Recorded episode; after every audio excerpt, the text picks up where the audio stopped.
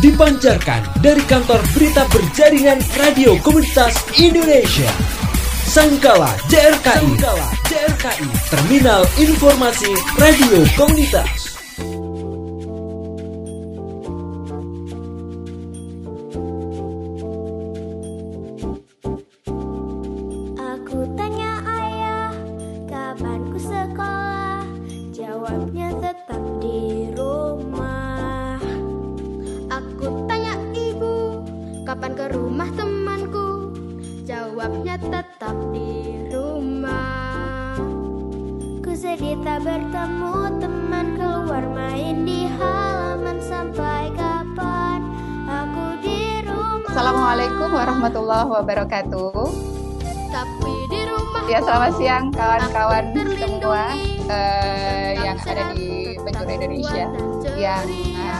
Saat ini sedang uh, menyimak uh, radio komunitas uh, yang menjadi jaringan dari JRKI Jaringan Radio Komunitas Indonesia. Dan uh, juga untuk anak-anak Indonesia juga ya karena memang uh, hari ini kita semua hadir di sini. Saya Andi Purwanti bersama uh, para narasumber dan juga kawan-kawan dari JRKI uh, sedang melangsungkan talk show interaktif dengan satu tema anak di masa pandemi dan uh, ini juga dalam rangka peringatan Hari Anak Nasional 2020 ya yang jatuh tepat tanggal 23 Juli 2020 dan tema besar dalam peringatan Hari Anak Nasional tahun ini adalah Anak Terlindungi Indonesia Maju. Nah, kawan-kawan yang uh, sedang menyimak uh, radio komunitas Indonesia di Nusantara ya dan uh, juga mungkin yang sedang menyimak melalui fanpage uh, JRKI Indonesia atau www.sangkala.id uh, untuk kesempatan kali ini anda yang ingin melakukan interaktif ya atau tanya-tanya nanti kepada para narasumber, Anda pun bisa langsung bergabung saja di fanpage CRKI Indonesia. Ya nanti bisa share pertanyaannya di sana dan uh, mungkin tidak terlalu banyak ya yang akan uh, saya uh, buka di kesempatan hari ini karena memang para narasumber juga sudah hadir di tengah-tengah kita. Ya, yang pertama ini adalah anak-anak yang penuh talenta, kalau saya bila, bisa bilang seperti itu. Karena mereka ini anak-anak pilihan. Nah, iya. Uh, yang pertama ada uh, Ketua Forum Anak Indonesia. Dia uh, adalah Tristania Faisa Adam. Assalamualaikum tadi ya. Waalaikumsalam Kak. Ya, apa kabarnya? Alhamdulillah baik. Kanisa. Baik ya, syukur. Oke, okay. alhamdulillah baik. Ya, kawan-kawan uh, radio komunitas uh, dan juga masyarakat Indonesia serta anak-anak Indonesia, uh, Tania ini uh, kalau bisa dibilang uh, termasuk uh, generasi muda yang penuh talenta ya. Karena memang uh, banyak sekali aktivitas yang dilakukan Selain uh, pelajar, dia juga menjadi organisator, menjadi event hunter, content creator, bisnis dan entrepreneur. Wah, SMA ya, Tania ya? Iya, masih SMA. Ah, masih SMA, oke. Okay. Dan uh, berbicara masalah pengalaman, kalau Tania ini uh, banyak sekali pengalaman yang uh, sudah dilewati, termasuk juga pernah menjadi pemenang Girls Takeover 2019 ya. Eh, sehari jadi Menteri Keuangan RI, kemudian juga pernah menjadi perwakilan Indonesia dalam World League Conference 2017, juga pernah menjadi duta sanitasi. Uh, jadi kemudian juga pernah menjadi pemenang karya tulis dan masih banyak prestasi-prestasi lainnya. Oke, selamat bergabung Tania di uh, talk show interaktif kita hari ini ya. Oke, sekarang kalau sudah ketemu dengan Tania dari Forum Anak Nasional, ini berikutnya kita akan bertemu dengan Ketua Forum Anak Provinsi Jawa Timur. Ada Hartanto Nugroho. Saya manggilnya gimana ini? Anto ah, atau boleh Mas Hartanto, boleh Mas Tanto, boleh Mas Anto, oh. boleh semuanya bisa. semuanya bisa ya. Iya. Oke. Okay. Tak aja begitu ya. Iya. Iya. Kalau Anto ini, ini paling ganteng sendiri. Alhamdulillah. Di antara narasumber kita. kalau Anto ini sendiri, ini uh, uh, saat ini menjabat sebagai Ketua Forum Anak Provinsi Jawa Timur ya. Uh, Anto uh, secara organisasi, di pengalamannya juga banyak sekali uh, di Forum Anak Jawa Timur menjabat 2019 sampai 2021 ya. Kemudian yeah. juga pernah berpengalaman di Presidium dalam Kongres Anak Indonesia ke-14 2017 ya kemudian iya. juga menjadi delegasi Jawa Timur dalam Forum Anak Nasional dan juga pernah uh, di Parlemen Remaja DPR RI tahun 2018. Ah, sungguh luar biasa. Alhamdulillah. Oke, okay, ya selamat datang Mas Anto di obrol-obrol kita. Nah, ini narasumber kita yang nggak kalah cantik juga. Ada siapakah ini? Ya, yang berikutnya kawan-kawan saya perkenalkan narasumber ketiga yaitu Ketua Forum Anak Mbak Mei Susanti. Oke, selamat datang Mbak Mei. Halo, selamat datang teman-teman. Iya, Mei Susanti boleh saya panggil Mei gitu aja ya, biar lebih akrab. Oke, iya. Kalau Mbak Susanti ini juga menjadi generasi penerus pilihan uh, aktif uh, seperti narasumber yang lain di Forum Anak Jombang juga ber, uh, di pe, kepengurusan ya Forum Anak Provinsi Jawa Timur juga. Dan kemudian ini juga mempunyai minat uh, yang luar biasa ya. Di olahraga juga suka menulis juga suka terus di kegiatan sosial juga aktif ya. Oke. ya, ya selamat bergabung uh, kawan-kawan semua yang uh, menjadi uh, apa ya teman bincang untuk di kesempatan hari ini. Karena memang hari ini kita spesial hadir di peringatan Hari Anak Nasional 2020 di tema besar Anak Terlindungi Indonesia Maju. Dan untuk bincang-bincang uh, kita hari ini adalah uh, seputar anak di masa pandemi. Oke, okay. uh, eh, kawan-kawan, untuk Anda yang sedang menyimak talk show interaktif kita, uh, Anda pun bisa uh, bergabung di fanpage JRKI Indonesia ya, atau melalui streaming kami di www.sangkala.id. Dan langsung saja untuk bincang-bincang uh, kita hari ini, uh, ini mungkin kalau kawan-kawan uh, dilihat dari sekian uh, profilnya tadi ya, uh, ternyata memang termasuk remaja-remaja yang aktif, saya bisa bilang begitu, karena memang banyak sekali pengalaman yang sudah didapat oleh kawan-kawan yang luar biasa ini. Iya, uh, kalau berbicara setelah uh, keterlibatan eh, saya bilang kawan saja ya, kita kan seumuran. Iya. kita kan seumuran. Uh, saya bilang kawan, uh, di forum anak sendiri tentu banyak sekali ya kegiatan yang dilakukan oleh kawan-kawan uh, ini. Nah, boleh uh, cerita nggak sih uh, kegiatan apa saja yang uh, sudah dilakukan oleh kawan-kawan uh, di forum anak ini?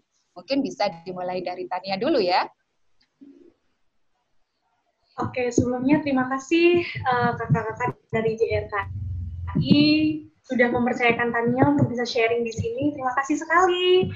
Uh, dan terima kasih juga buat teman-teman yang masih mendengarkan sampai sekarang. Sebelumnya Tania mau terima kasih karena menurut Tania banyak banget kegiatan remaja yang cenderung dianggap lebih menarik ya sebenarnya daripada uh, mendengarkan sesuatu yang berat-berat begitu istilahnya. Jadi terima kasih untuk yang sudah hadir dan terima kasih JRKI.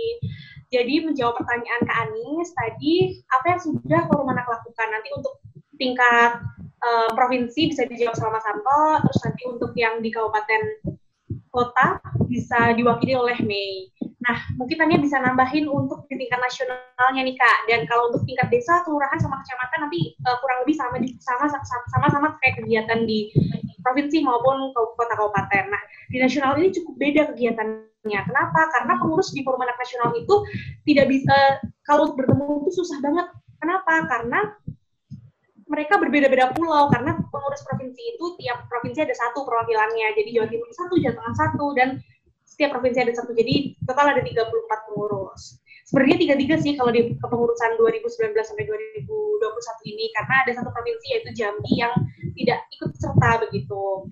Nah, kalau kegiatan nasional sendiri karena kami sifatnya virtual, memang kami dari dulu itu virtual online. Jadi untuk beradaptasi dengan pandemi COVID-19 ini kami cukup lumayan ya uh, menyikapinya santai sih karena dari dulu online begitu.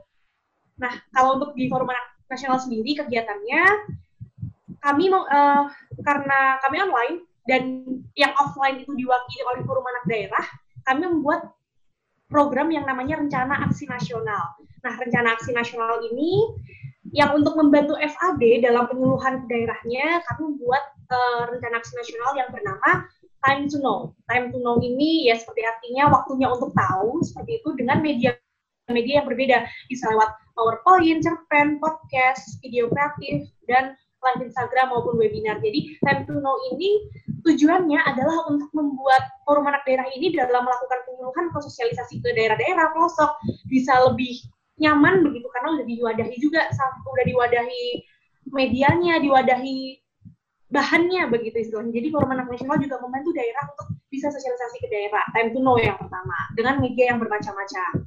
Lalu um, kami dari Forum Anak sendiri juga melakukan sosialisasi meskipun lewat virtual. Yang pertama ada Kopi Fun. Kopi Fun itu kependekan dari Komik Inspirasi Forum Anak Nasional.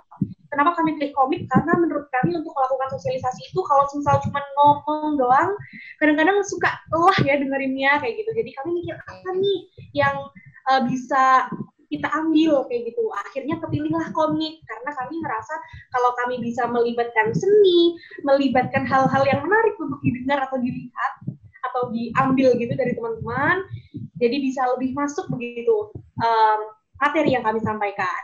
Fun. Lalu ada kami juga membuat fun challenge. Fun challenge ini um, ada setiap dua bulan sekali, hampir rutin ada kayak kemarin sempat pancalan TikTok, habis itu kita bikin video juga, ada surat cinta untuk tenaga medis, berbagai macam uh, isu kita masukkan ke dalam pancalan ini biar lebih menarik begitu istilahnya sensasinya.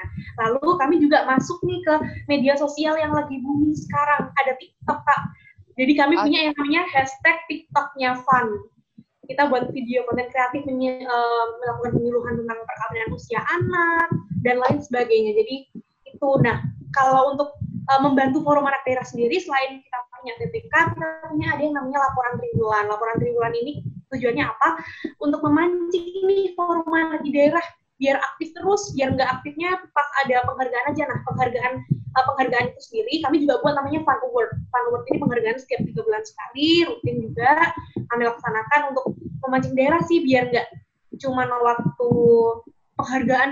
Kan biasanya kalau tahun-tahun sebelumnya itu penghargaannya satu, satu tahun sekali kak. Cuma di kepengurusan yang sekarang penghargaannya tiga bulan sekali begitu biar nggak cuma satu tahun sekali doang gitu aktifnya dan kami sengaja buat bermacam-macam karena kami percaya sebenarnya kegiatan yang berdampak luas itu kegiatan yang dilaksanakan secara rutin nggak cuma setahun sekali begitu istilahnya dan target yang realistis serta menarik sesuai kapasitas anak-anak itu kegiatan dari Forum Anak Nasional kak. Oke, jadi cukup padat sekali ya aktivitas yang dilakukan oleh Forum Anak Nasional. Nah, kalau di Forum Anak Nasional tadi memang uh, aktivitas banyak dilakukan secara virtual ya. Jadi selama pandemi pun sudah tidak kaget lagi karena memang aktivitas banyak dilakukan secara virtual mengingat uh, seluruh Indonesia gitu. Nah sekarang kita coba bergeser ke forum anak provinsi. Nah kebetulan ini dari provinsi Jawa Timur. Kalau dari Anta sendiri seperti apa ini kegiatan yang sudah dilakukan oleh forum anak provinsi Jawa Timur? Iya, terima kasih Mbak Nisa.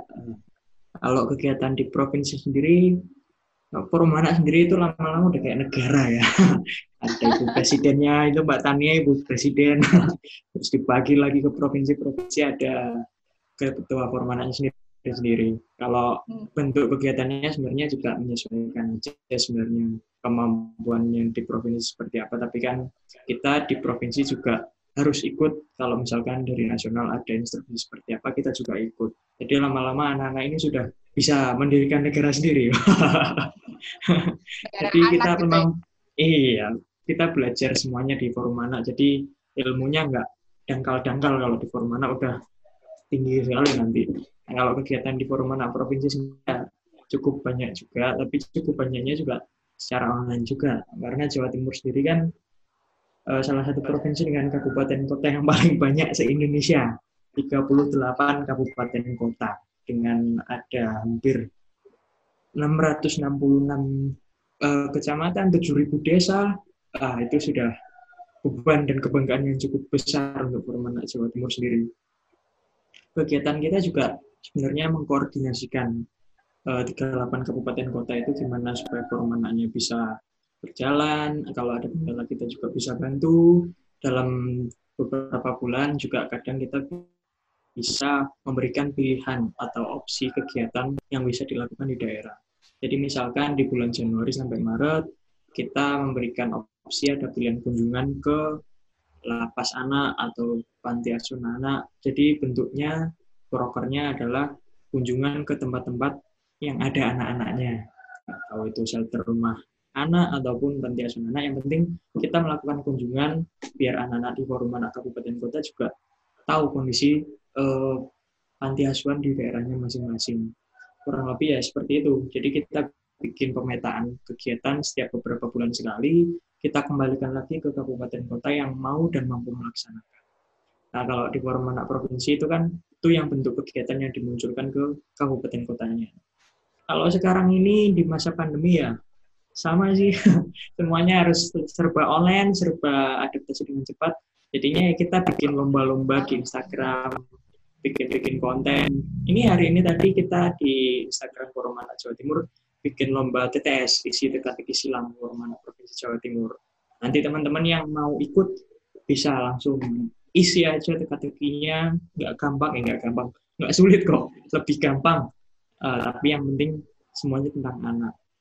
Kemudian yang dilakukan Anak Provinsi sendiri yang paling baru juga dalam menyambut uh, Hari Anak Nasional juga sama sesuai dari instruksi Ibu Presiden. Karena kita kan juga menyusun suara anak Indonesia. Suara anak Indonesia itu sendiri kan disusun dari kabupaten kota naik ke provinsi kemudian naik ke nasional. Di provinsi sendiri kita juga melakukan penyusunan suara anak secara online. Semuanya secara online. Yang penting gimana kita bisa menampung aspirasi anak dari kalangan apa pun, anak yang berkebutuhan khusus, siswa-siswi sekolah, semuanya kita tampung. Dan yang penting semuanya harus kita lakukan untuk memenuhi hak anak. Gitu Mbak Anis kurang lebih. Oke, baik. Nah, kalau itu eh, kegiatan-kegiatan yang eh, memang sudah dilakukan dan mungkin juga masih berjalan begitu ya di Forum Anak iya. di Jawa Timur.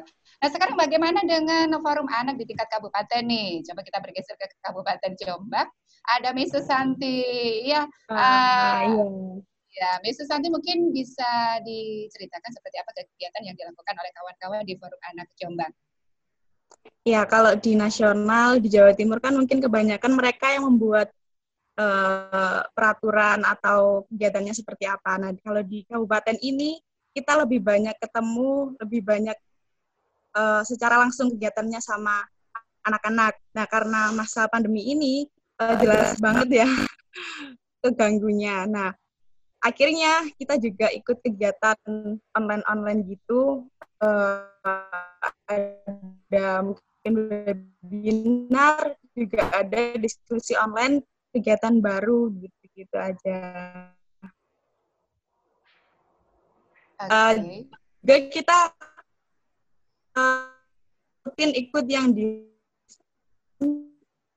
yang triwulan yang triwulan itu kita juga rutin selain itu di Jawa Timur penyusunan suara anak biasanya kita akan langsung juga ikut kena dampaknya akhirnya kita juga buka uh, Google Form uh, suara anak melalui online gitu. Oke. Okay. Uh, masih ada yang lain aktivitas yang dilakukan oleh kawan-kawan Forum Anak Jombang, Mei? Uh, sejauh ini kita juga lagi ada buka lomba Uh, sebenarnya lomba ini uh, nggak online ya, uh, termasuk kegiatan besarnya Forum Anak Jombang. Uh, kalau bisa dibilang juga Forum Anak uh, kegiatannya termasuk besar di Jawa Timur ya. uh, ada lomba kayak kreasi seni kayak gitu, Go Talent. Kalau kita bilangnya lebih mirip sama Go Talent gitu. Jadi semua uh, ada bakat nari, nyanyi kayak gitu-gitu sih dilombakan. Nah, ini kita lagi ada pendaftaran nanti lombanya online. Oke, okay. iya. Nah, ini paling tidak kan eh, kawan-kawan uh, di jaringan radio komunitas Indonesia dan anak-anak Indonesia tentunya sudah mendengarkan bersama ya seperti apa kesibukan dari uh, perwakilan anak-anak Indonesia. Kawan-kawan yang ada di forum anak uh, bisa dikatakan sebagai perwakilan dari anak-anak seluruh Indonesia. Nah, uh, ini kan masih uh, masih ada uh, sisa periode ya untuk kawan-kawan di pengurusan uh, forum anak begitu. Uh, apa kegiatan apa yang akan dilakukan atau sudah punya agenda tetapi belum terlaksana ke depannya ini sampai uh, masa kepengurusan kawan-kawan di tahun 2021 ini? Mungkin tadi ya bisa sampaikan atau ceritakan sudah uh, ada agenda nih yang sudah disusun sedemikian rupa untuk ke depannya. Oke, jadi sebenarnya karena misal tadi kakak bilang ya terlalu padat banget ya ternyata mungkin karena teman-teman yang gabung di forum anak tuh udah anak-anak yang suka begitu dengan kegiatannya jadi meskipun kami padat ya kami cukup menikmatinya sebagai organisator kayak gitu. Nah terus kalau di forum anak nasional sendiri selain tadi yang sudah sempat tanya ceritakan ada dua kegiatan kak yang belum terlaksana dari rencana aksi nasional itu sendiri kegiatan yang pertama namanya Aksara. Uh, Aksara ini kegiatan tahunan, kependekan dari aksi serentak forum anak. Nah, jadi teman-teman forum anak di daerah juga persiapan nih, karena kita pengen bikin aksi serentak yang tujuannya adalah biar langsung gaungnya jadi satu tujuannya adalah memviralkan memviralkan gitu sih memviralkan tentang sosialisasi ini kayak gitu jadi tungguin aja stay tune terus nah terus selain aksara ada juga yang namanya tali anak Kali Anak ini Taman Literasi Anak yang tujuannya adalah untuk meningkatkan minat literasi, minat baca anak Indonesia karena kita tahu Indonesia salah satu negara yang cukup rendah juga ya untuk uh, minat bacanya kayak gitu. Jadi tinggal dua kegiatan lagi sih yang dalam sisa satu tahun periode ini yang belum kita laksanakan. Nah, yang akan dilaksanakan apa? Tentu yang kegiatan yang kemarin-kemarin yang rutin setiap tiga bulan sekali, sebulan sekali, dua bulan sekali, itu kita laksanakan terus karena kami percaya bahwa uh, rutin itu penting kayak gitu. Dan selain rutin juga harus menarik sesuai kapasitas kita sebagai anak. Nah, terus selain kita juga terus rutin melaksanakan kegiatan tahunan yang belum dilaksanakan, dua kegiatan tadi, um, kalau dari kami sendiri dari Forum Anak Nasional, kami pengen bahwa Forum Anak Daerah ini jangan hanya terpaku dengan kegiatan atau program yang sudah ada, tapi kita harus lebih dinamis menghadapi isu-isu yang muncul setiap bulannya. Jadi misal udah direncanain di bulan ini kita bahas tentang PUA, ternyata di bulan itu ada kasus tentang bullying. Kalau kita bahas PUA kan nggak nyambung gitu. Jadi forum anak itu harus lebih dinamis. Jadi rencana programnya seperti itu dan forum anak itu harus jadi teman pengingat yang tidak justifikasi, tidak judgement sosial gitu. Jadi uh, forum anak difokuskan ke teman pengingat yang lebih dinamis gitu. Begitu rencananya.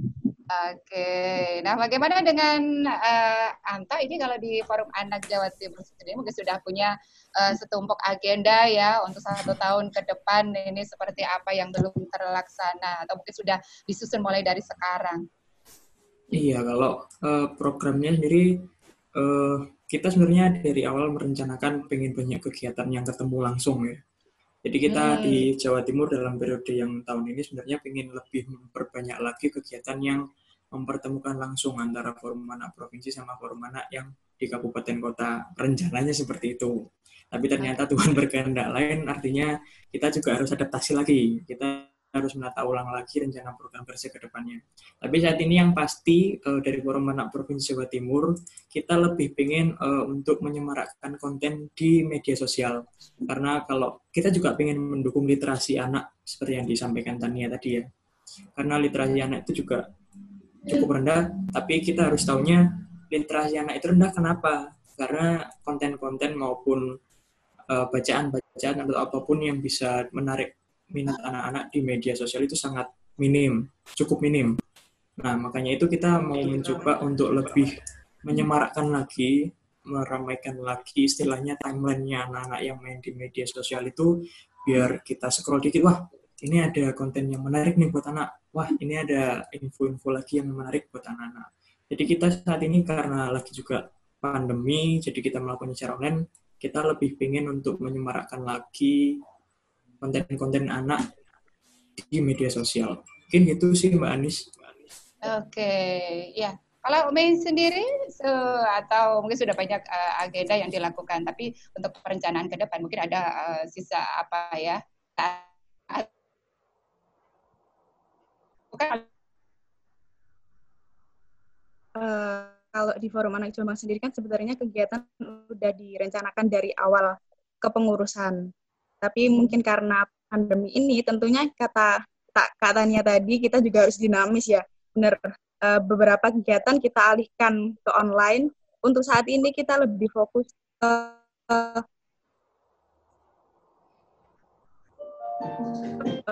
mendengarkan curhatan dari teman-teman.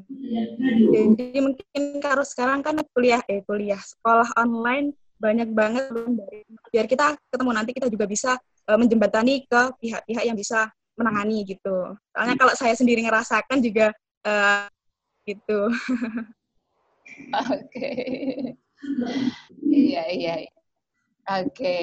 Iya uh, banyak juga ya agenda yang sudah direncanakan oleh kawan-kawan di forum anak ini sendiri. Dan uh, kalau tadi saya juga sempat menyimak di kalau di forum anak Jombang dalam memperingati Hari Anak Nasional ini, ini juga sudah punya agenda ya, seperti membuat uh, talent tadi ya. Ada nggak sih kalau di Forum Anak Nasional sendiri untuk peringatan Hari Anak Nasional yang kali ini dengan tema Anak Terlindungi Indonesia Maju, uh, uh, ke depan ini sudah ada agenda besar yang mau dilakukan oleh kawan anak nasional. Oke, jadi kalau di forum hari ini kan hari puncaknya nih tanggal 23 Juli 2020, Hari Anak Nasional tahun 2020. Jadi memang hari ini Kak, tadi jam 7 pagi. Kalau di flyernya sih jam 9 pagi, cuman kita persiapannya dari jam 6 malah. Jadi jam 9 pagi sampai jam 10.30 itu ada acara puncak Hari Anak Nasional dan meskipun diselenggarakan KPBPA tapi forum anak juga pasti ikut serta di dalamnya karena yang berpartisipasi juga forum anak. Nah, kalau di forum anak nasional sendiri untuk yang kegiatannya secara khusus nasional ini, yang pertama kita tentu penyusunan suara anak Indonesia yang setiap tahun ada. Biasanya nih suara anak Indonesia itu dibentuk saat pertemuan forum anak nasional yang kalau tahun 2019 itu di Makassar, 2018 di Surabaya, 2017 di uh, Riau. Jadi setiap tahun memang berganti-ganti kota, berganti-ganti provinsi. Cuman karena tahun ini tahunnya virtual, jadi kita memang buat suara anak Indonesia juga lewat virtual, Kak. Kalau tahun-tahun kemarin, biar anak Indonesia itu dibuat dari atas ke bawah, dalam artian forum anak nasional sendiri dulu nih yang buat tingkat nasional, baru daerah-daerah membuat. Tapi kalau sekarang kita rapikan lagi sistemnya, mumpung ada waktu nih uh, buat ngerapiin sistem, jadi kita rapiin sistemnya mulai dari bawah ke atas. Dalam artian membuat uh, yang membuat suara anak ini dari desa kelurahan dulu naik ke kecamatan, naik ke kota kabupaten, naik ke provinsi, baru naik ke tingkat nasional. Dan suara Indonesia sendiri sudah disahkan 10 Juli 2020 kemarin. Suara anak Indonesia tahun 2020 terdapat 12 poin yang tadi sudah dibacakan di depan Bu Menteri, Bu Menteri Bintang, Presiden juga yang insya Allah semoga bisa direalisasikan dan semoga isu-isu yang ada di tahun ini nggak ada lagi di tahun depan. Jadi nyatanya ada kayak gitu, amin. Nah, selain uh, penyusunan sendiri yang sudah kita rapikan sistemnya, Forum Anak Nasional sendiri juga menjaring teman-teman yang bertalenta, yang baik dari dalam forum anak maupun luar forum anak, untuk bisa menyampaikan passionnya juga di hari anak tahun ini. Jadi, uh, hari ini kan puncaknya tadi, jadi teman-teman juga bisa tampil. Dan selain itu, kami juga uh, memasukkan hasil dialog anak. Nah, dialog anak ini adalah dari teman-teman yang membutuhkan perlindungan khusus. Anak-anak membutuhkan perlindungan khusus, ditampung juga suaranya untuk masuk ke suara anak Indonesia. Jadi, gak cuma anak-anak yang istilahnya uh, beruntung seperti itu yang bisa suaranya masuk ke suara anak Indonesia, tapi teman-teman yang membutuhkan perlindungan khusus juga bisa bersuara untuk bisa direalisasikan. Nah, suara anak Indonesia ini sebenarnya sebelum hari ini dibacakan di puncak Hari Anak Nasional, sempat diaudiensi juga ke Bu Menteri dan kemarin dari Forum Anak Nasional sendiri sempat bilang nih Bu Menteri, Bu sebenarnya kami pengen nih update progres dari kementerian. Kami juga mau kok update progres dari Forum Anak sebenarnya apa yang sudah dilakukan untuk suara anak Indonesia begitu. Dan uh, Bu, Bu, Bu Menteri pun menyetujui, menyetujui kalau ya nanti setiap beberapa bulan sekali ya kalau kalau nggak salah bakal ada update, update progres. Jadi itu salah satu kemajuan dari suara anak Indonesia tahun 2020. Nah, kalau untuk menyambut hari sendiri, selain yang berkaitan dengan suara anak Indonesia, tapi juga menyelenggarakan webinar pelapor-pelapor atau 2P. Itu kayak slogan gitu kan di forum anak, 2P pelapor-pelapor juga PAPP. Uh, partisipasi anak dalam perencanaan pembangunan. Itu dua slogan yang ada di forum anak Kami juga mengadakan itu karena pandemi ini untuk uh, menemani hari-hari teman-teman anak-anak Indonesia selama di rumah saja. Juga kami melaksanakan audiensi tenaga medis kemarin. Audiensi tenaga medis ini ditujukan untuk uh, memberi semangat kepada para tenaga medis yang menyampaikan surat. Jadi kemarin Fun itu sempat bikin namanya Fun Challenge, surat cinta untuk tenaga medis, yang hasil akhirnya uh, dibuatkan e-book begitu disampaikan ke para tenaga medis lewat audiensi tenaga medis ini. Juga kemarin sempat audiensi bersama Pak Menkes uh, Ayah Terawan. Kami kan kalau ayah uh, kami itu di forum anak menyebutnya ayah bunda begitu kak. Jadi yeah, yeah. Uh, audiensi tenaga medis audiensi Menkes. Dan kalau untuk yang akan dilakukan dalam menujuan sendiri karena tadi juga sempat tanya ceritakan bahwa Bunda Bintang juga Bunda Menteri Bintang bersetuju bahwa akan mengadakan update progres. Jadi uh, istilahnya suara anak Indonesia nih kami pengen kawal. Jadi meskipun hari ini itu Han nih, jangan sampai selanjutnya suara anak Indonesia tuh dilupakan aja gitu. Jadi kami pengen kawal terus suara anak Indonesia ini sampai terrealisasi. Amin gitu. Dan kami sih uh, untuk ke depannya nih uh, menuju Han karena hanya hari ini kami ingin hari anak tuh nggak cuma di harinya aja, tapi hari, setiap hari ya hari anak, setiap hari hari ibu, setiap hari hari keluarga. Istilahnya biar hak dan kewajiban anak itu terpenuhi secara seimbang. Begitu. Oke, okay. kalau boleh tahu nih sedikit cerita suara anak seperti apa sih yang sudah disuarakan oleh eh, anak-anak uh, Indonesia yang mungkin uh, tadi tadi yang bilang ingin dikawal terus begitu ya uh, sampai benar-benar terpenuhi hak dan uh, untuk anak-anak itu sendiri. Kalau mau tahu suara anaknya, mungkin teman-teman nanti bisa cek Instagram at forum anak ID, di sana bakal diupload. Atau di YouTube Fun juga ada teman-teman untuk bisa uh, tahu waktu audiensi Bu Menteri. Cuman kalau sekarang Tania mau baca ini agak susah karena harus lihat draft. Kalau beda kata, beda lagi nanti artinya. Jadi ada isu okay. rokok uh, dan lain sebagainya. Oke okay deh, paling tidak teman-teman uh, anak-anak di Indonesia ini tahu juga ya di mana supaya bisa mengakses uh, suara-suara anak ya dari seluruh Nusantara. Oke, kalau dari Ata sendiri di Forum Anak Jawa Timur uh, sudah punya gawe apa ini dalam peringatan Hari Anak Nasional yang jatuh tanggal 23 Juli? Iya, makasih Mbak Anis. Jadi uh, Forum Anak sendiri kalau dari provinsi beberapa kali uh, Forum Anak Provinsi ikut webinar sama uh, dari ayah bunda di dinas PPPA provinsi. Jadi kemarin aja baru saja kemarin itu ada webinar tentang kesehatan anak dan pendidikan pada anak di masa pandemi ini. Kemudian dua minggu yang lalu juga ada webinar lagi tentang kesehatan anak-anak di daerah Provinsi Jawa Timur. Kemudian juga ada beberapa pelatihan, apa, pelatihan yang dibantu oleh beberapa LPA yang ada di kabupaten kota di Jawa Timur. Itu menyediakan fasilitas berupa pelatihan secara online dalam beberapa bidang ranahnya forum anak. Jadi misalkan ada pelatihan bagaimana mengaudiensi ke uh, anggota dewan ataupun bagaimana cari inspirasi anak yang tepat di masa pandemi. Di webinar-webinar itu jadi sering banget sekarang karena kita harus bisa berinovasi. Akhirnya salah satu inovasi yang dirasa cepat dan tepat untuk bisa memberikan informasi yang bagus juga buat teman-teman ya webinar itu tadi. Dan untungnya juga dari dinas P3AK Provinsi Jawa Timur sendiri merespon sangat baik. Jadi kita difasilitasi banyak pertemuan-pertemuan online, webinar-webinar online dengan banyak komponen maupun unsur-unsur yang ada di masyarakat. Itu yang pertama. Eh, yang kedua juga penyusunan suara anak itu jadi program rutinan semua forum anak di Indonesia, termasuk forum anak Provinsi Jawa Timur menyambut Hari Anak ini. Penyusunan suara anak itu sendiri juga kita di provinsi mengambil me, apa juga mengambilnya juga dari 38 kabupaten kota. Jadi Forum Anak Provinsi Jawa Timur sendiri eh, kemarin itu hampir ada sekitar 500 poin suara anak. Wow. 500 poin aspirasi anak.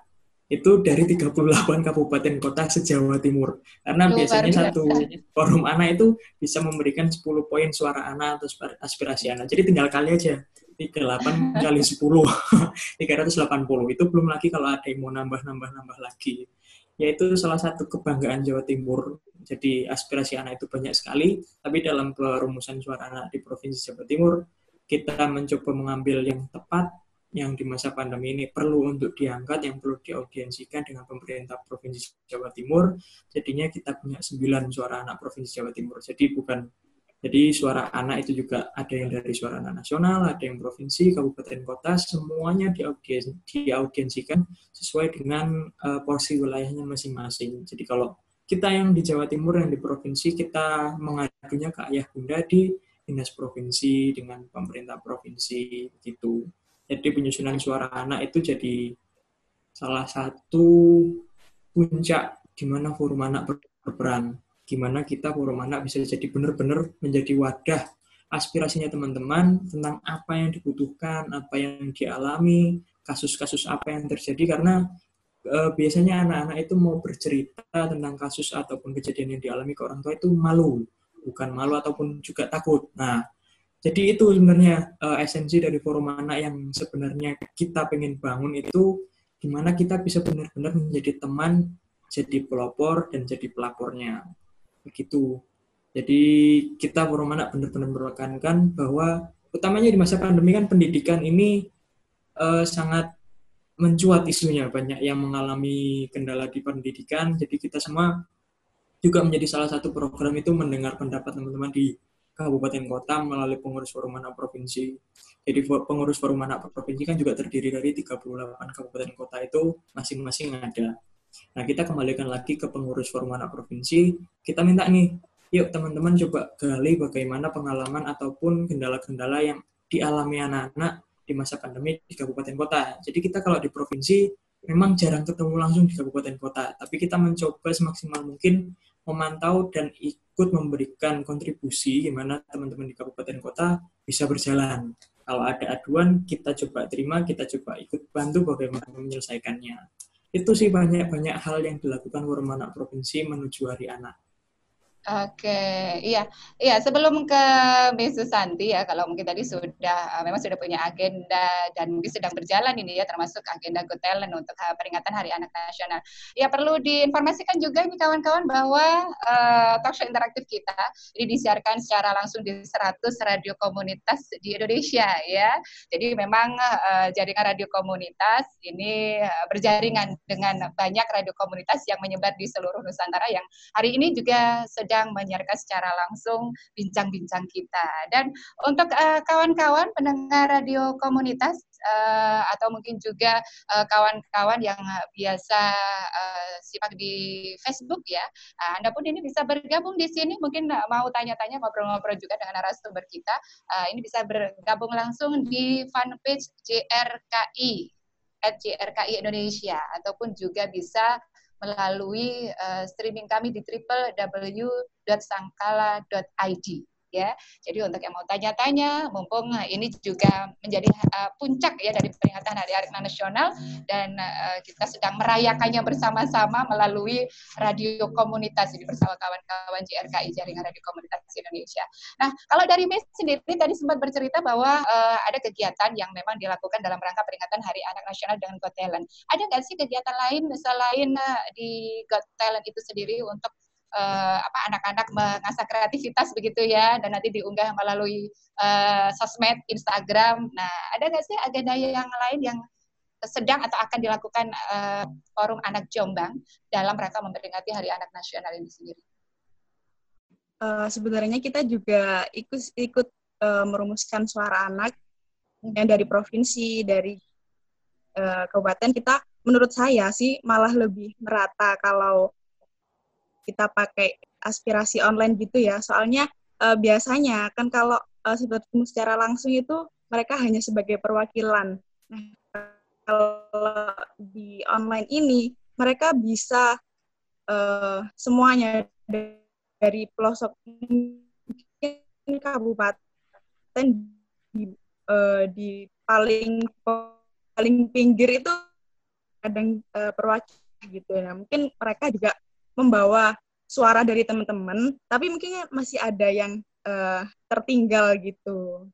Uh, akhirnya kemarin ada kurang lebih 200 aspirasi dari teman-teman yang kita kerucutkan suara uh, suaranya jadi 13 poin. Nah, itu kita kirim ke provinsi. Gitu.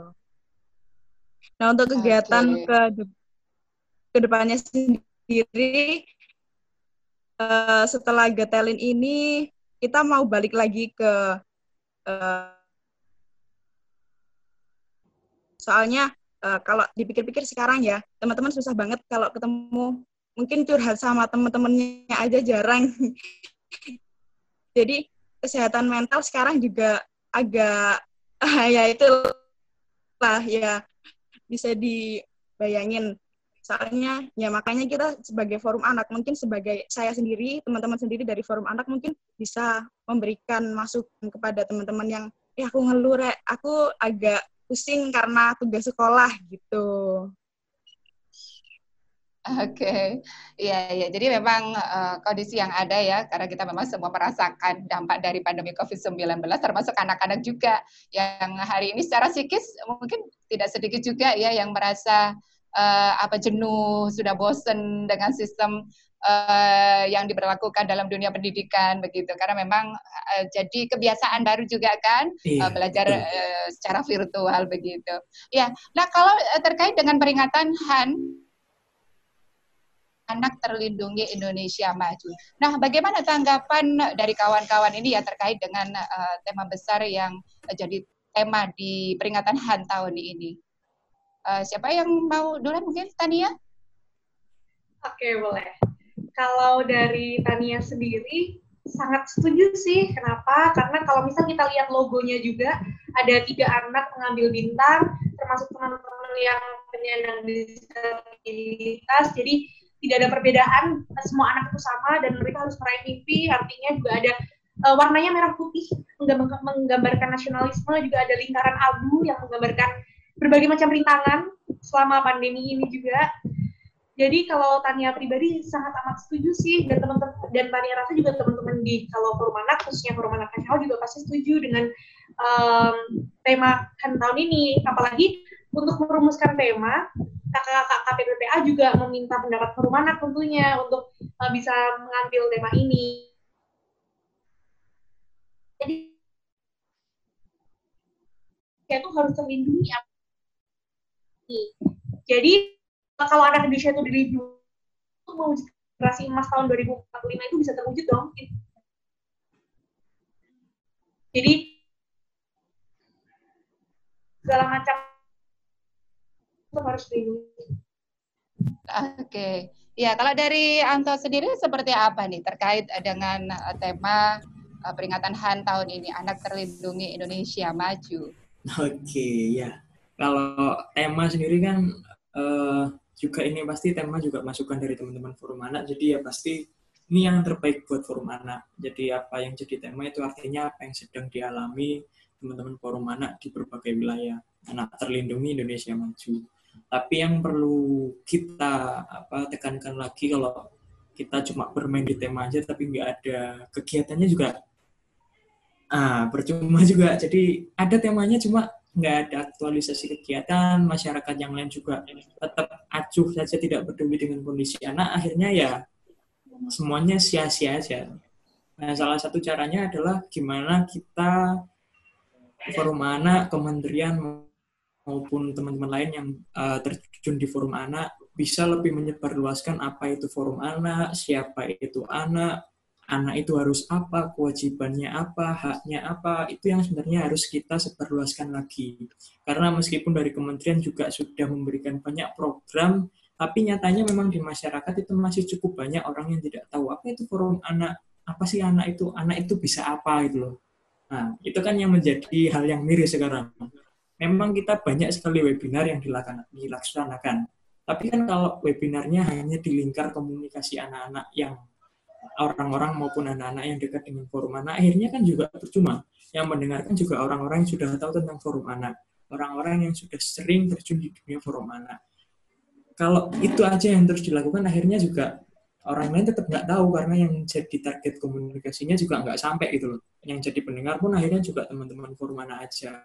Jadi gimana sekarang kita forum anak teman-teman semua bisa lebih menyebarluaskan lagi informasi tentang forum anak. Apa itu forum anak dan anak-anak itu harus apa kewajibannya apa itu yang sebenarnya diutamakan untuk dilaksanakan dan diterima oleh masyarakat. Karena percuma aja kalau kementerian bikin tema anak terlindungi Indonesia maju nah harus didengar pendapatnya. Kalau itu cuma sebatas tema saja masyarakat lainnya nggak mau tahu akhirnya juga zong gitu loh.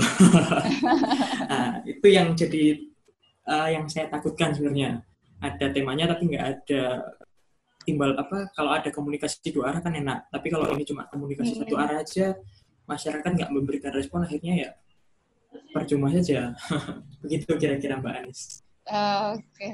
Iya iya.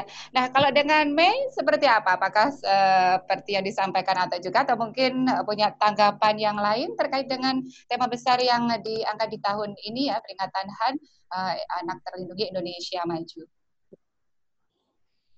Iya kalau dari Mas Santo tadi mungkin bahasnya tentang orang di luar ya bukan lingkungan anak-anaknya. Nah kalau dari kita forum anak mungkin yang sudah menyadari hak-haknya kita harus apa? Nah itu kita bisa jadi pelopor di teman-teman kita gitu. Nanti jadi mereka-mereka ini yang belum tahu yang belum kenal forum anak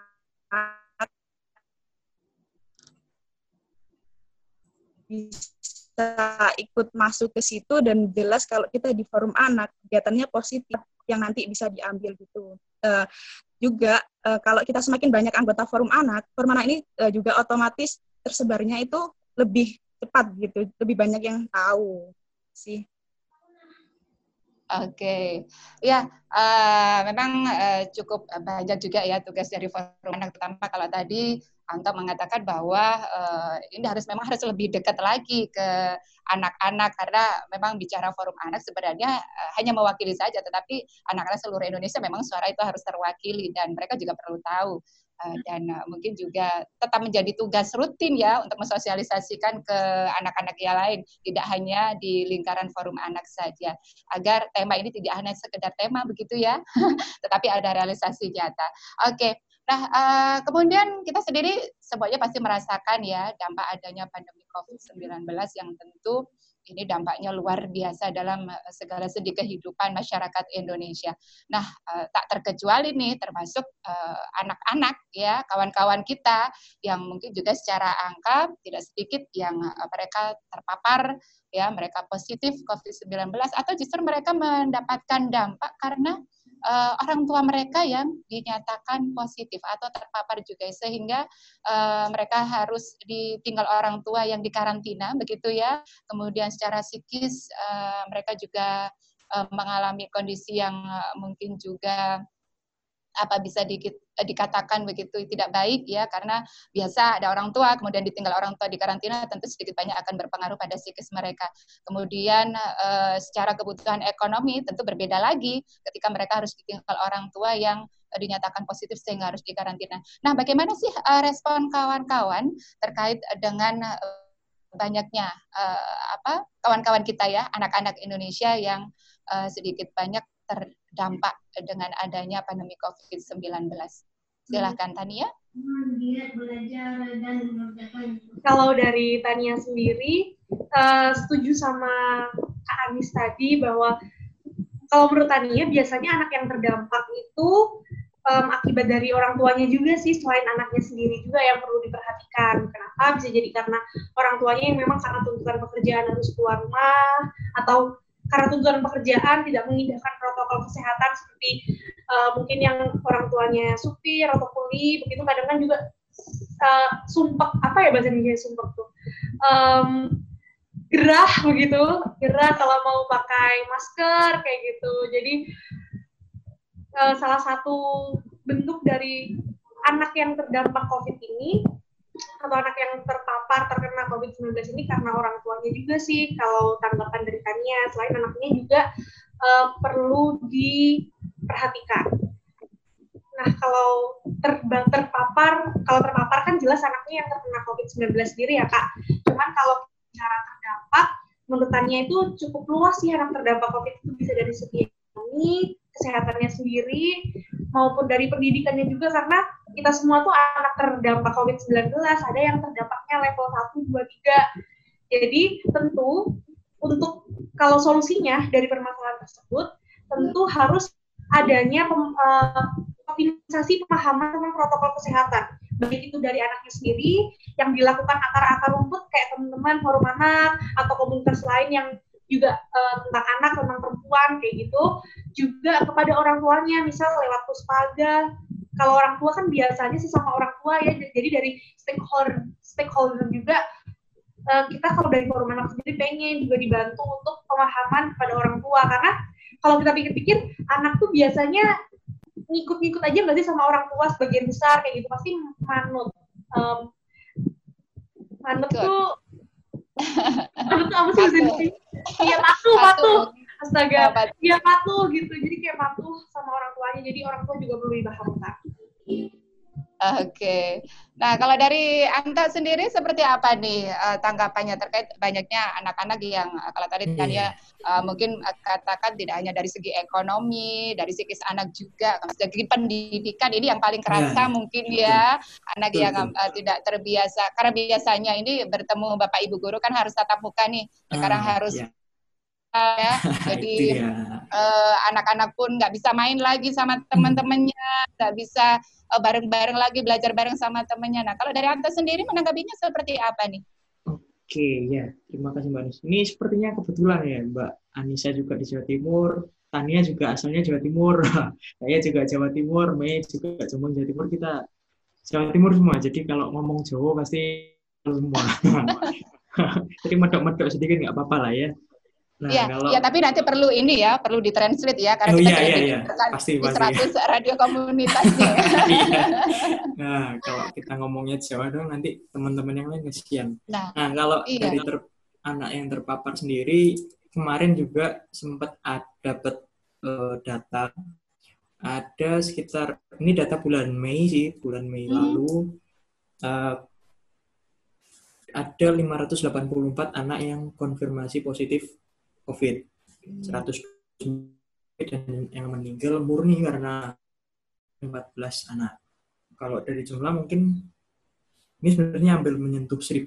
Jadi kalau dipikir-pikir anak di Indonesia jumlahnya 80 juta yang positif konfirm hampir 1000 memang uh, meskipun nggak terlalu banyak tapi ini benar-benar perlu diperhatikan. Tapi kalau dari jurnal kesehatan yang disampaikan uh, dari Bunda Mira kemarin dari Ikatan Dokter Anak Indonesia yang Provinsi Jawa Timur, kalau anak sendiri itu tidak bisa menularkan COVID. Nah, saya sih nggak terlalu peduli itu. Yang penting kita harus jaga kesehatan. Apa pun siapa yang mau menularkan, yang penting kita harus menjaga kesehatan. Tapi kalau dari segi COVID ini yang terpapar kan ada teman di Jember, itu ada beberapa anak yang terpapar COVID. Di Jombang sendiri ada di desa, salah satu desa, orang tuanya karantina karena COVID, anaknya tidak ada yang ngurus. Nah, itu akhirnya jadi dampak yang nyata yang nampak. Nggak ada orang tuanya yang kerja karena kebetulan cuma ada ibunya aja. Ibunya kebetulan kok malah karantina. Akhirnya anak-anak ini nggak ada yang ngurus di rumah sendirian, nggak ada yang penghasilan dari orang tua nggak jalan. Anak-anak mau makan apa? Hak-haknya seperti apa nanti akhirnya? Kan begitu. Nah, untungnya juga yang di Jombang itu sudah ditindaklanjuti, sudah ada pendampingan akhirnya. Itu sebenarnya kalau yang terdampak COVID dari anak-anak sendiri, yang terpapar COVID itu tidak cukup banyak karena memang datanya memang tidak cukup banyak. Tapi dampaknya kayak yang disampaikan Tania, dampak itu luas maknanya. Dampaknya bisa dari segi ekonomi, kesehatan, psikis, itu sebenarnya yang menjadi sasaran utama kalau anak mau berperan dalam coronavirus ini. Artinya dampak-dampak yang dihadapi oleh anak itu salah satunya dari pendidikan. Pendidikan harus adaptasi. Teman-teman di Jombang kemarin saya tahu eh, jauh-jauh harus cari wifi cuma buat mengerjakan tugas. Itu yang mampu, yang punya akses untuk cari wifi. Nah teman-teman yang nggak mampu nanti mau seperti apa? Memang kalau di kota-kota besar kan sudah, wah nyaman nih, sini ada wifi, wah situ ada wifi. Nah teman-teman yang di kondisi-kondisi kabupaten kota yang lebih mojok lagi itu kan kasihan sebenarnya. Mereka harus apa, mereka bisa apa, nanti sekolahnya gimana. Itu kan dampak sebenarnya, dampak yang nyata dialami anak-anak dari COVID ini. Nah, perannya anak-anak sendiri nanti gimana ya, kita harus mencoba membantu sebisa mungkin apa pun yang bisa kita lakukan, kita bantu. Jadi dampak yang dialami anak cukup banyak, meskipun dari segi jumlah yang terpapar COVID juga cukup adalah cukup banyak, tapi dampak yang lebih utama bukan dari bentuk kesehatan fisiknya yang terdampak, tapi dari kesehatan psikis, kemudian pendidikannya akhirnya tidak tertata dengan rapi, jadwalnya amburadul, akhirnya moralnya anak-anak akhirnya semakin turun, nah cita-cita nanti anak-anak ke depan mau jadi apa kan semakin sulit. Akhirnya tahun 2020 ini nanti sepertinya ke depan ini akan menjadi kita harus memulai lagi dari awal, harus memulai lagi dari awal, dari bawah lagi, harus bisa memberikan didikan lagi yang tepat untuk anak-anak. Gitu sih Mbak Anis. Oke, ya. Kalau dari Mei sendiri seperti apa nih menyikapi tentang kondisi yang uh, hari ini kita semua ya, terutama anak-anak yang uh, juga terdampak secara luas tadi dampaknya cukup luar biasa. Bahkan kalau bicara angka tadi uh, Anto juga menyebutkan cukup uh, lumayan ya anak-anak loh ini generasi penerus bangsa ya terdampaknya juga cukup luar biasa. Nah kalau dari Mei sendiri uh, tanggapannya seperti apa Mei? uh, terkadang kalau anak yang tertular dari orang tua, biasanya tuh anaknya mungkin sudah paham ya bahaya COVID seperti apa. Karena mungkin rata-rata anak-anak itu semua sudah punya handphone dan mereka bisa mengakses media sosial yang sekarang banyak banget gencar-gencarnya pencegahan COVID, uh, terus penularannya kayak apa, pasti mereka sudah paham. Tetapi kadang-kadang juga orang tuanya yang uh, menyepelekan, kayak Allah soalnya mereka tidak berhadapan langsung dengan eh, orang-orang yang kena itu tadi COVID. Nah makanya mungkin kita orang tua juga sebisa mungkin kita memberi mereka pengertian kalau ini tuh nyata. Supaya ini supaya cepat selesai bagaimana dampaknya juga biar nggak terlalu uh, kita rasakan gitu. Mungkin sebagai anak yang bisa kita lakukan apa ya kita ng uh, ngasih taunya sebisa kita biar uh, orang tua nggak tersinggung gitu. Nah kalau dari dampak lainnya mungkin yang kali ini teman-teman rasakan benar-benar itu sistem pendidikan ya.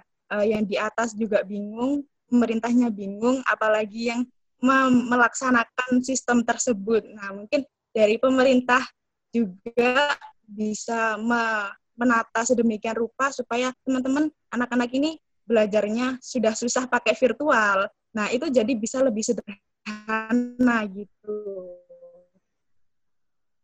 Oke deh.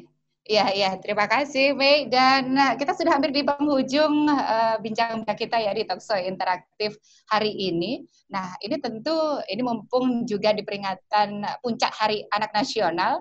Nah, ini tentu kawan-kawan bisa mewakili suara dari semua anak-anak Indonesia. Nah, tentu punya harapan dong. Nah, terutama terkait dengan situasi Indonesia yang sampai hari ini uh, juga masih uh, dalam pandemi COVID-19 yang mungkin juga kawan-kawan atau anak-anak di beberapa daerah ini masih masuk di zona merah begitu loh. Nah, kalau harapan dari uh, kawan-kawan sendiri seperti apa terkait dengan kondisi ini dan kemudian dalam kondisi pandemi pun ini uh, Hari Anak Nasional diperingati. Nah, silakan Tania. Kalau dari Tania sendiri karena harapan untuk pemerintah dan orang tua udah tertera di suara anak Indonesia ya. Jadi harapan untuk sesama aja nih sesama anak-anak teman-teman di seluruh Indonesia. Kalau menurutku teman-teman um, semua meskipun berbagai macam rintangan menghadang apalagi ini rintangannya lagi besar banget nih pandemi COVID-19 jangan sampai kita sebagai anak Indonesia memutus mimpi kita yang udah kita rakit dari dahulu memutus ini bukan hanya dengan tidak mengusahakan, tetapi memutus dalam niat, memutus dalam pokoknya jangan diputus deh mimpi kita. Kenapa? Karena life must go on kan. Hidup harus terus berjalan meskipun apa pun itu rintangannya. Jadi kalau bisa nih teman-teman semua dan harus bisa menyikapi pandemi ini dengan ide kreatif, dengan berusaha menjadi lebih baik sebagai sebagai bentuk loncatan kita untuk jadi lebih baik, jadi orang yang lebih keren gitu istilahnya lebih kece jadi pandemi ini jangan dijadikan sebagai suatu alasan untuk putus asa, tapi alasan untuk bangkit, alasan untuk ide alasan untuk memunculkan ide-ide baru yang lebih kreatif dan karena kan nyata nyatanya hidup memang perjuangan tiada henti. Jadi tetap semangat, tetap optimis dan teruslah berbahagia anak-anak Indonesia. Oke deh. Nah, mungkin Ata juga punya harapan yang lain nih uh, terkait dengan uh, kondisi yang ada. Kemudian ini juga peringatan Hari Anak Nasional di mana anak-anak sebenarnya harusnya bersuka cita ya di hari ini, tetapi mungkin karena pandemi COVID, tentu kondisi yang dialami anak-anak tentu berbeda. Silakan Anto. Iya, terima kasih Mbak. Uh, saya sih nggak pengen banyak berharap ya, karena terlalu banyak berharap juga takutnya dikecewakan. Jadi saya lebih memilih untuk mengajak teman-teman untuk langsung melakukan saja harapan boleh. Maksudnya harapan itu nanti kita jadikan sebagai target aja. Untuk suara anak itu sudah mewakili harapan-harapan anak-anak yang berupa kebutuhan dan keinginan anak-anak. Jadi melalui suara anak itu sudah tersampaikan dengan baik. Nah, selanjutnya adalah kita sebagai anak punya kewajiban juga. Nggak hanya untuk menuntut hak, tapi kita juga harus, sadar bahwa kita sebagai anak-anak punya kewajiban. Dari saya sendiri untuk teman-teman forum anak semuanya, ataupun teman-teman anak-anak semua yang mendengarkan, anak-anak ini kan ada yang usianya sudah 17 tahun itu usia akhir anak-anak. Kita juga ada namanya pendidik sebaya kan, teman-teman forum anak ini kan juga sebagai pendidik sebaya. Teman-teman anak-anak yang berusia 17 tahun yang sudah punya ilmu yang cukup, punya pengalaman ke mana-mana, ayo kita sama-sama aja membuka tangan untuk bisa membantu teman-teman atau anak-anak yang lain bagaimanapun caranya. Saya memberikan contoh diri saya sendiri. Saya kan juga punya media sosial, ada Instagram, ada WhatsApp, ada Twitter saya berusaha sebisa mungkin memanfaatkan media sosial yang saya punya untuk bisa berdampak untuk teman-teman yang lain. Salah satu caranya seperti apa? Saya mencoba membuka diri, mempersilahkan teman-teman, barangkali ada yang mau punya pertanyaan seputar anak, ataupun mau curhat-curhat tentang kesehariannya seperti apa, keluarganya seperti apa, asalkan mereka mau berbagi cerita, saya dengan suka hati akan menerima. Kenapa? Karena dengan hal kecil seperti itu saja, artinya kita sudah berpartisipasi bersama-sama untuk memenuhi hak-hak anak. Jadi nggak cuma kita menuntut hak saja, kita hanya menyuarakan kita punya hak anak, tapi kita juga anak-anak harus punya peran yang aktif. Nggak perlu yang muluk-muluk harus menciptakan segala macam ini itu. Yang penting dari diri sendiri itu mau memberikan bantuan, itu sudah lebih dari cukup. Jadi nggak perlu hanya berharap terus karena sudah sering dikecewakan jadinya harapannya pupus. Nah, akhirnya kita lah, kita harus yang melakukan aksi yang nyata bagaimanapun caranya selama niatnya baik tujuannya baik pasti ada jalannya. Yang penting kita mulai dari diri sendiri sih diri sendiri saja dulu lah kita harus mengaktualisasikan diri apa yang ingin kita lakukan. Itu aja mbak Anis. Terima kasih. Oke. Nah kalau Mei sendiri harapannya seperti apa Mei? Uh, bener kata kak Tania tadi. Uh, ini saatnya kita berpikir, berpikir kreatif. Mungkin banyak mimpi-mimpi ke depan yang bakal uh, uh, ya apa ya?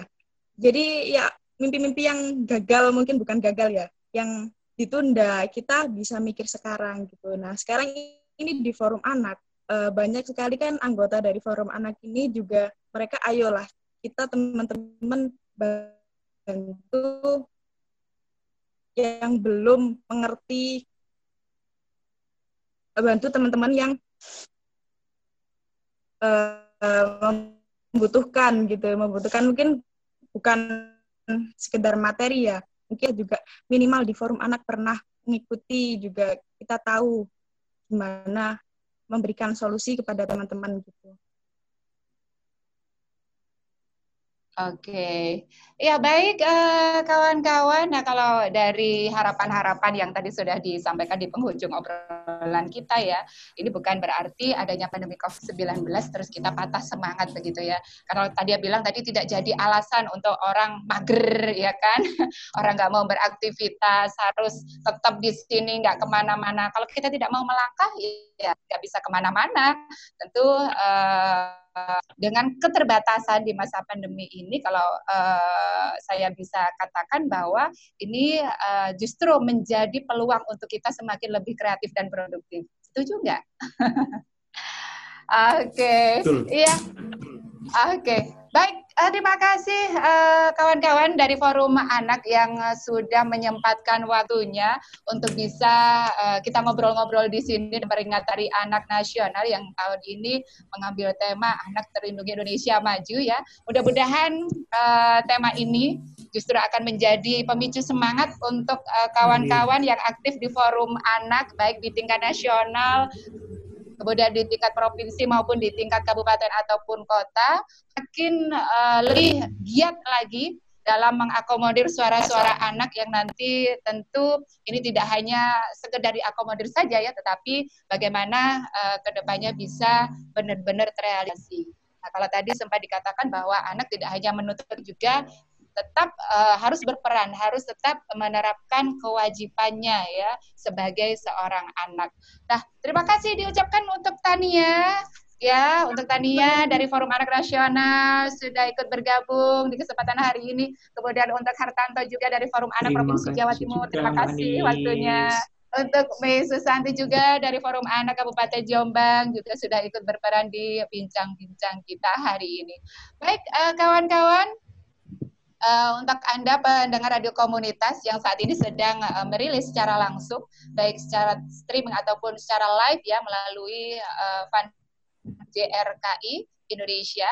Nah, uh, itu tadi kita sudah uh, sempat mendengarkan seperti apa kiprah dari forum anak di Indonesia dan juga uh, peran mereka dalam uh, membawa suara anak se-Indonesia untuk bisa benar-benar uh, anak ini uh, benar-benar dihargai, anak ini benar-benar suaranya didengar, anak ini uh, benar-benar mereka bisa mendapatkan haknya dan juga bisa melaksanakan kewajibannya secara baik. Dan uh, harapannya meskipun ini masa pandemi ya kita berharap anak-anak bisa tetap mengikuti pembelajaran secara baik, tetap mendapatkan haknya secara baik, dan harapannya semuanya juga semoga akan kembali normal seperti biasa. Ya, uh, kawan-kawan eh, pendengar radio komunitas, akhir saya Anis Koranti uh, menutup perjumpaan kita di bincang atau di talk show interaktif kali ini bersama jaringan radio komunitas Indonesia. Sampai jumpa di lain kesempatan. Terima kasih dan wassalamualaikum warahmatullahi wabarakatuh. Terima kasih kawan-kawan. Ah, sampai lagi iya. kesempatan. Iya. Tetap semangat di rumah saja, mari belajar dengan gembira.